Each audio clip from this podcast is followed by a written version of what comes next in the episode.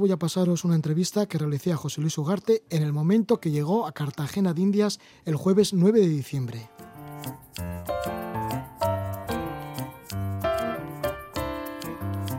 En el mismo momento de la conexión amarraba en el puerto colombiano la réplica de la nao Victoria, después de 38 días de travesía por el Océano Atlántico desde Tenerife, donde partió el 2 de noviembre.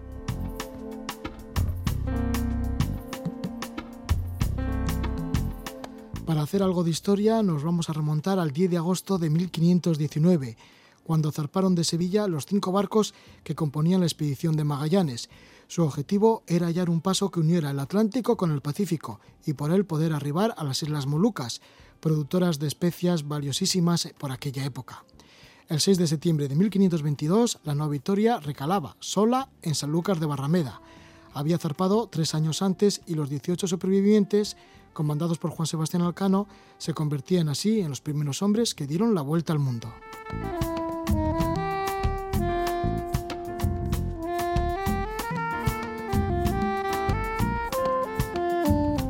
La actual Nao Victoria pretende llegar hasta la población japonesa de Aichi, ciudad que acogerá la primera exposición universal del siglo XXI.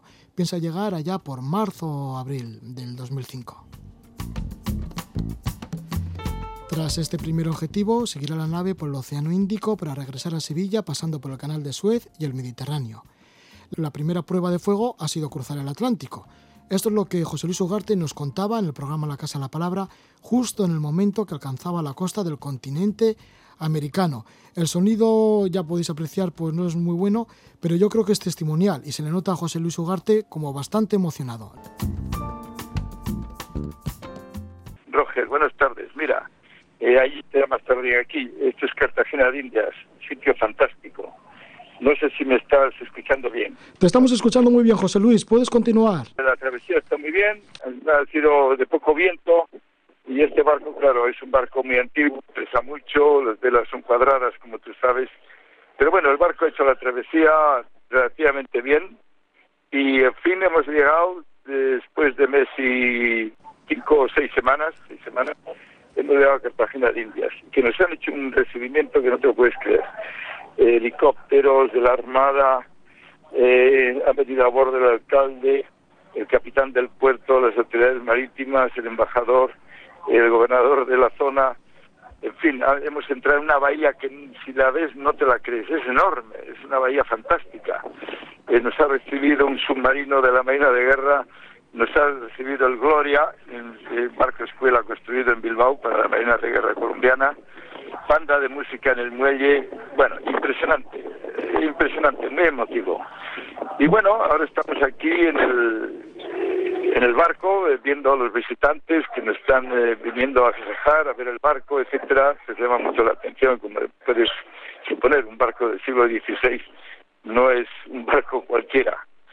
En fin, Roger, pues nada, lo que tú me preguntes, ¿vale? Sí, ¿y cómo ha sido la navegación hasta ahora? Porque habéis cruzado el Océano Atlántico en esta nao Victoria, que es una réplica de la misma que utilizaron Magallanes y Juan Sebastián Elcano en el siglo XVI. ¿Cómo han sido estas seis semanas de navegación por el Atlántico, José Luis?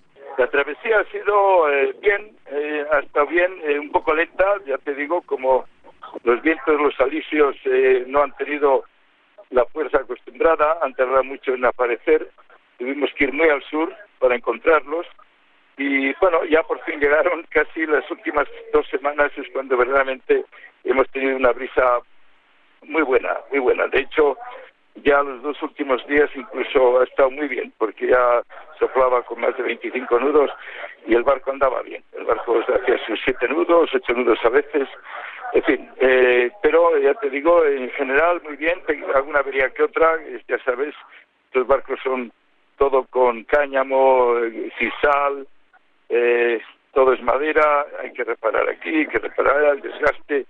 Pero bien, eh, el barco ha funcionado muy bien, mm. en general muy bien, mucho mejor de lo que parece que debiera de funcionar un barco con la apariencia que tiene, de pues tosco y de pesado y tal, pero no, eh, tiene, navega bien. José Luis, pues habrá sido también emocionante ver tierra, ¿no? O ver Cartagena de Indias.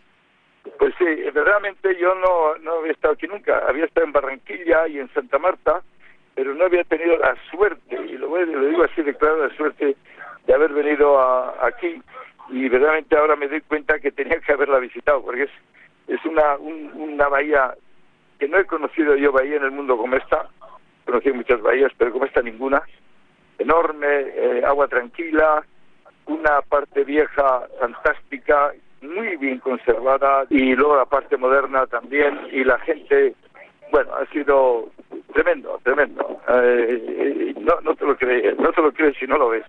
Y estamos muy contentos de estar aquí. Vamos a estar unos días, no sé cuántos serán, seis, pues, porque tenemos que ir a Panamá. Ahí también nos esperan. Pero bueno, eh, vamos a procurar aprovechar el tiempo que estemos aquí al máximo. Ya, José Luis, ¿y cómo nos describes el momento que estás viviendo ahora mismo? ¿Cómo lo describes? Pues eh, muy emocionado, verdaderamente emocionado, porque no esperaba yo que tuviéramos este, este recibimiento. Muy, muy, maravilloso. Pues muchas gracias, José Luis Dugarte, por estas palabras que nos diriges. Que marche todo bien y felicidades por este cruce del Atlántico y este gran recibimiento que estáis teniendo en Cartagena de Indias, en Colombia. Sí, señor. Estamos llevando al barco de nuestro paisano Juan Sebastián Elcano por el mundo. Y eso creo que el País Vasco eh, puede reconocerlo que tiene mérito. Sí, señor, porque Juan Sebastián Elcano fue el primero en dar la vuelta al mundo. El primero. Y eso, amigo, eso es muy importante. Y este barco lo representa. Un fuerte abrazo, que marche todo bien como hasta ahora. Gracias, Roger, y gracias a los oyentes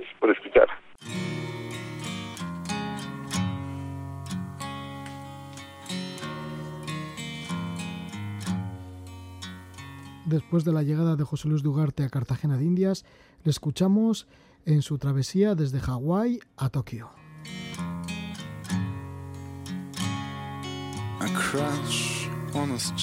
Partió de Honolulu el 8 de marzo y llegó el 29 de abril al puerto de Tokio. José Luis, en los últimos meses te hayas llevando a cabo una tarea por lo menos original o por lo menos muy particular, ¿no? que es navegar con la nao Victoria, una réplica de la primera nave que dio la vuelta al mundo con Juan Sebastián Elcano. Esto, sí, esto para ti, ¿qué, ¿qué, supone? Después de haber recorrido el, mundo, ¿no? Haber circunvalado dos veces el mundo en competición, ¿ahora qué supone para ti estar en una nave de estas características? Hombre, pues mira, es un cambio tremendo, pero muy interesante para mí. Después de haber leído eh, muchas veces y muchos libros sobre los descubridores españoles del siglo XVI del siglo XV, pues verdaderamente eh, siempre he tenido esa curiosidad por eh, saber cómo aquella gente navegaba en las naos, por esos océanos eh, que eran barcos grandes, pesados, bueno, grandes en volumen, no muy largos, eran barcos cortos, pero tenía mucho volumen, con velas cuadradas, y verdaderamente pues eh, yo intuía que, que no eran fáciles de manejar. Y ahora pues mira, lo estoy practicando y eso para mí es tremendo, porque eh, mira, es un, sueño que se convierte en realidad. Sí, recordemos que José Luis Dugarte, como bien sabéis, pues ha participado en muchas regatas, las más importantes, la del año 1992 en la Bond Challenge, la Vuelta al Mundo en solitario en tres escalas, en 1993 la Vendée Globe, la regata más dura y arriesgada, en solitario y sin escalas, y además pues con una mecánica puntera ¿no? en estas naves. Sin embargo, fíjate, retroceder al siglo XVI eh, se, se hace duro.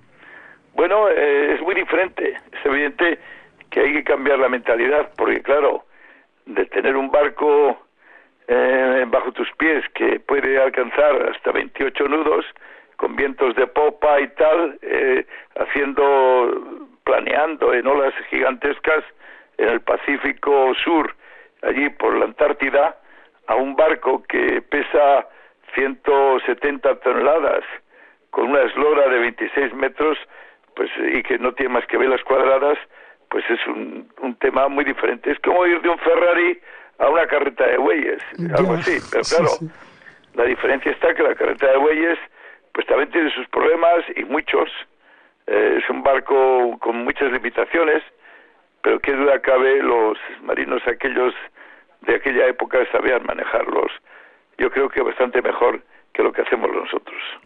Sin embargo, habéis hermanado la tradición con la modernidad en vuestra nave, ¿no? Bueno, hemos tenido por obligación, de, por temas de seguridad, nos han obligado a llevar instrumentos de navegación modernos y tal y cual, ¿no? Y bueno, pero nosotros eh, tratamos de mm, utilizar los sistemas que utilizaban aquellos navegantes, como el astrolabio, la corredera de barquilla, el cuadrante, y, y, ya está. Y luego, pues, vamos también, eh, claro, utilizando la misma eh, velas que usaban ellos, eh, la caballería también es igual que la que usaban ellos, el barco está construido, eh, queremos creer que casi a un 100% o por lo menos un 95% de lo que eran aquellos barcos.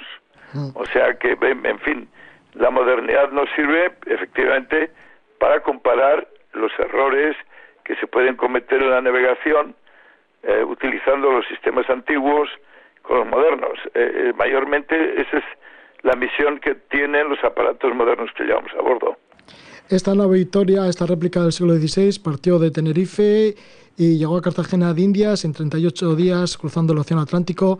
Te entrevistamos cuando llegabas a Cartagena de Indias, fue muy emocionante. Luego, bueno, pues cruzó el canal de Panamá y desde el puerto de Balboa en Panamá hasta Hawái, unos 60 días y la última etapa ha sido desde Honolulu en Hawái hasta, hasta Tokio, 52 días. Hemos hecho, hemos hecho una arribada en las Islas Marshall. Ah en, en Mayuro, eh, que es una, un atolón, porque tenía, nos aparecieron unas grietas en los palos y tuvimos que entrar para reforzar. Luego hicimos escala en Saipán, en las Islas Marianas, para coger provisiones frescas y tal, y luego ya pues llegamos a Tokio, ¿no? Hmm. Esta ha sido la travesía del Pacífico desde Hawái hasta Tokio. ¿Y cómo, cómo han transcurrido estos 52 días hasta llegar a Tokio? Pues mira, eh, han sido mm, bien, el, barco se porta muy bien, dentro de sus límites, como digo, eh, procurando navegar eh, lo más cerca posible a nuestro rumbo intencionado, pero claro, teniendo en cuenta que el barco solo navega con vientos de aleta, navega bien con vientos de aleta de una banda o de la otra eh, de popa va mucho más despacio y mucho peor. Entonces ahí andamos y bien, el barco lo vamos manejando, es muy duro, es un barco duro, no hay duda. La verga de la mayor pesa tonelada y media y subirla y bajarla cuesta mucho. La trinqueta anda por la tonelada y luego pues eh, eh, las posturas hay que subir mucho arriba, hay que andar colgado mucho, mucho, mucho, mucho, mucho rato, eh, hay que reparar muchas cosas, porque el, el, barco es de madera y va sufriendo mucho, ¿no?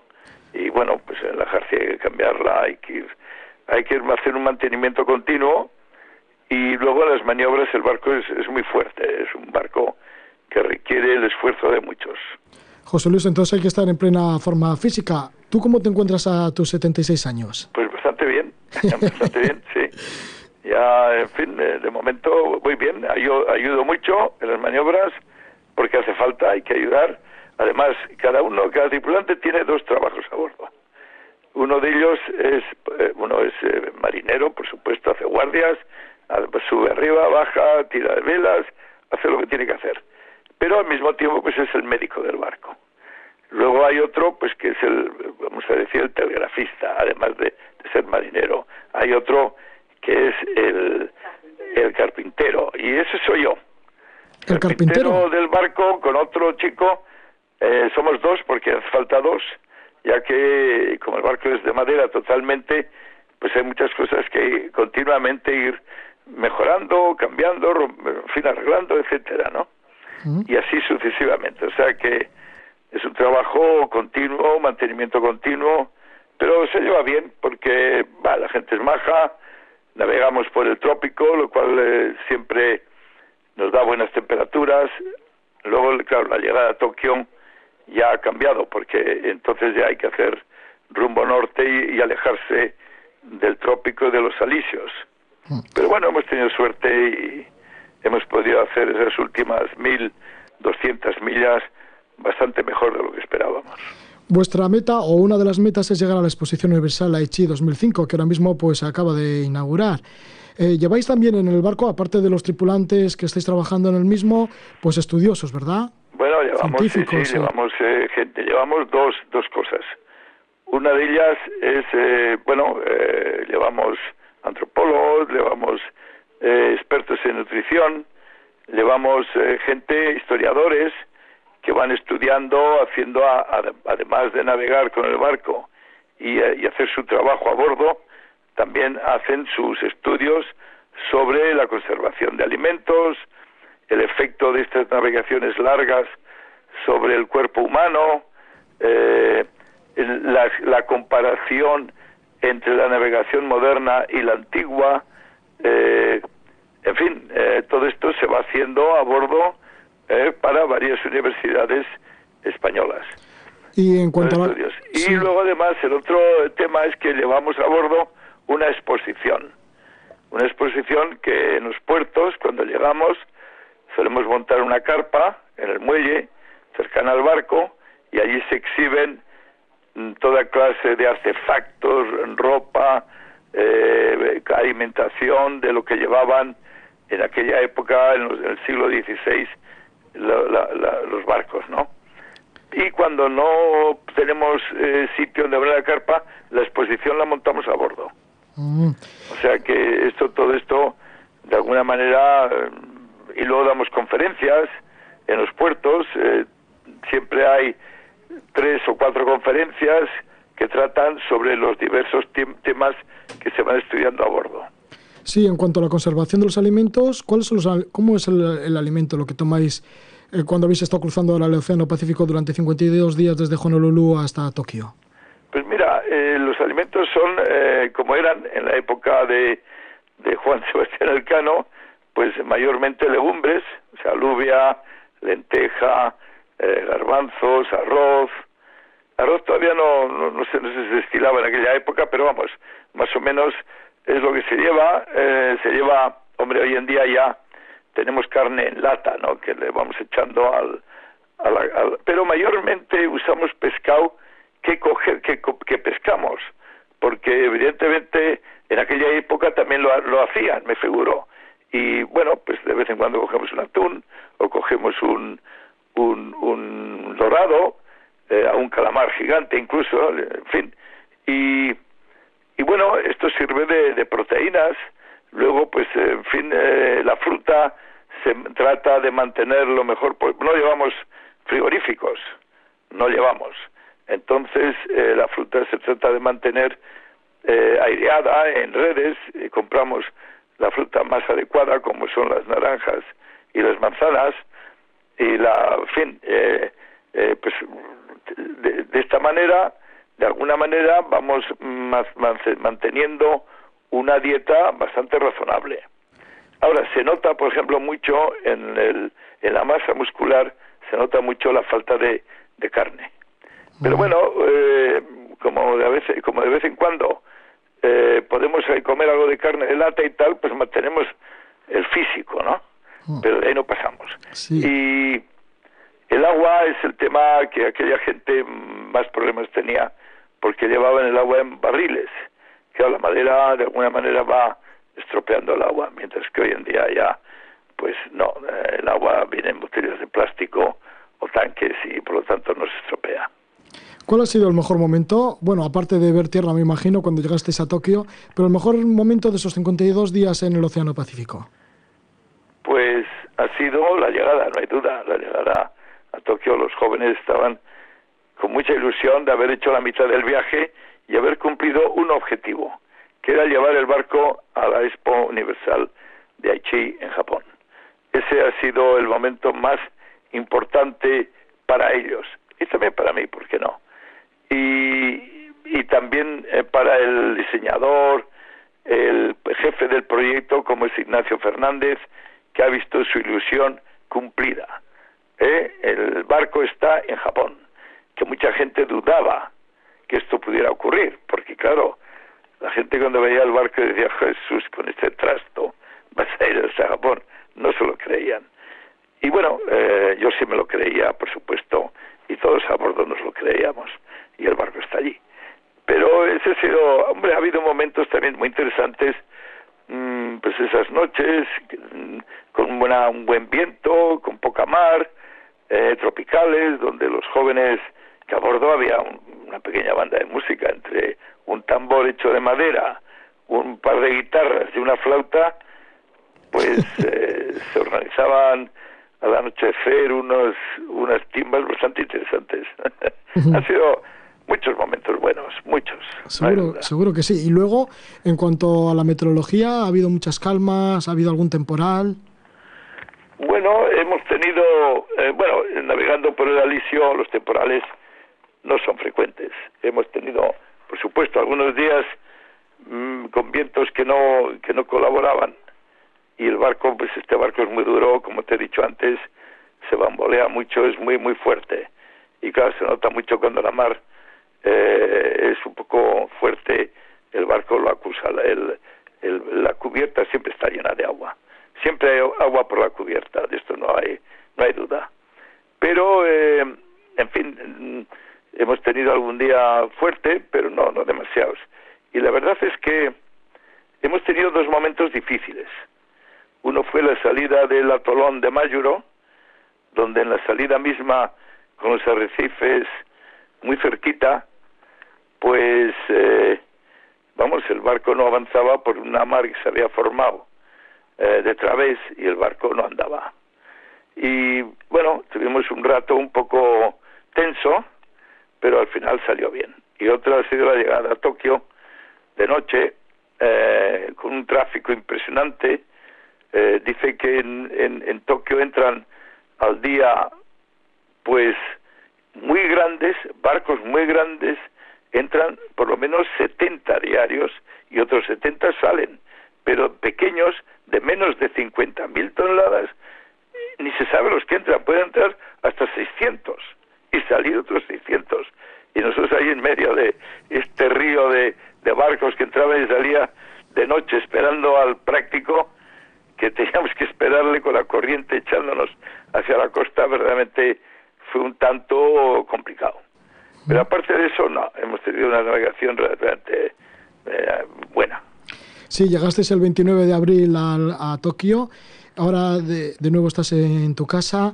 Y bueno, lo del 29 de abril tuvo su gracia, sí. porque los japoneses que nos pedían que dijéramos la fecha de llegada, les habíamos dado dicho que el 30, pero el día 29, el día 28 anduvimos tanto con un viento del sudoeste que se levantó bastante fuerte y adelantamos un día la llegada, aún sin velas, porque con la jercia solo andábamos con la, el empuje de la corriente del curo Sibo, pues el barco andaba mucho y llegamos el día 29 y entonces el día 30 tuvimos que volver a salir para hacer otra llegada, la llegada esperada por los oficiales de Tokio.